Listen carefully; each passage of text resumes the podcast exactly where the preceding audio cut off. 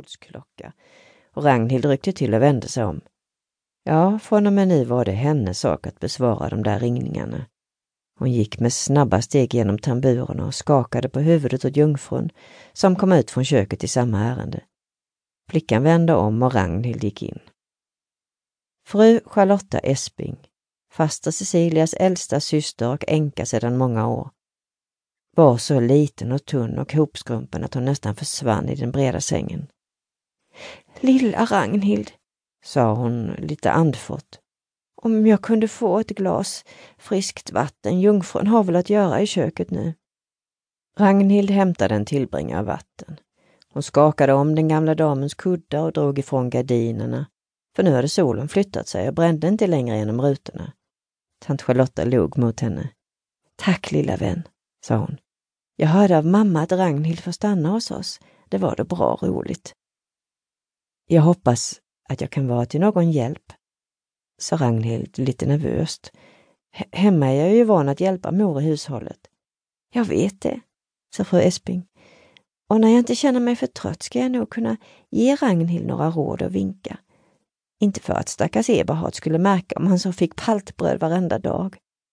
Hon andades häftigt och snöt sig. Ragnhild är 17 år, eller hur?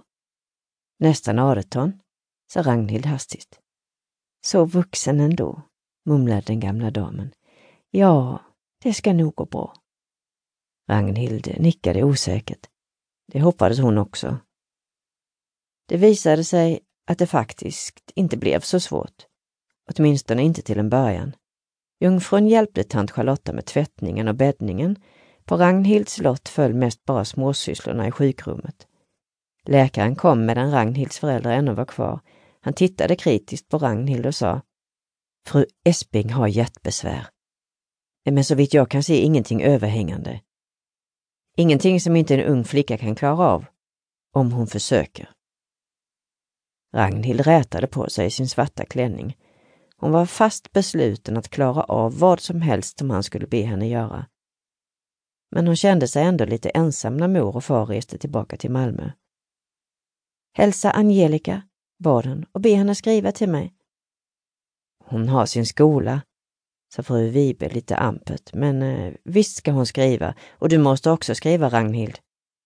Ja, visst mamma, sa Ragnhild lydigt.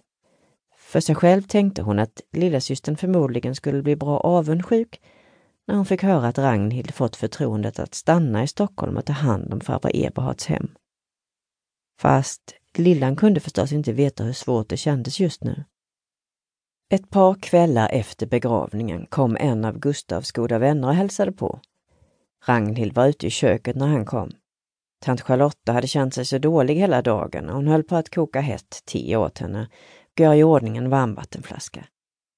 Hon övervägde just om hon borde kalla på doktor Berg. Det var väl inte normalt att frysa så en varm sommardag. När Gustav kom och sa Ragnhild, när du är färdig kan du väl komma in till mitt rum ett tag? Jag vill gärna att du ska träffa en av mina goda vänner.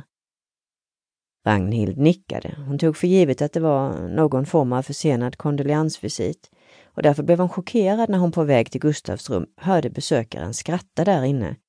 Dämpat men ändå. Hon knackade på och Gustav öppnade.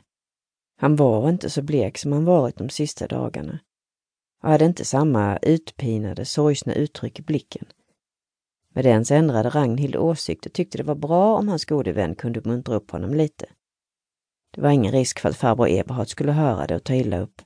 Han hade suttit på sitt rum på advokatfirman varenda dag och långt ut på kvällarna ända sedan begravningen var över. Ragnhild hade bara sett honom vid måltiderna. Gustavs gode vän reste sig när hon kom in.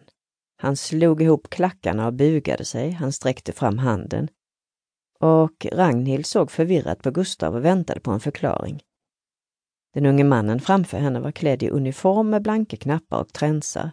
Hans mössa låg kastad på Gustavs säng. Han var ljus, lika ljus som Ragnhild själv, men hade mycket ljust och klart grå ögon och åt honom gav den smala ljusa mustaschen inte minsta skimmer av löjlighet. Han måste vara flera år äldre än Gustav, tänkte Ragnhild och blev med ens pinsamt medveten om sin svarta klänning och det faktum att hon glömt ta av sig sitt stora vita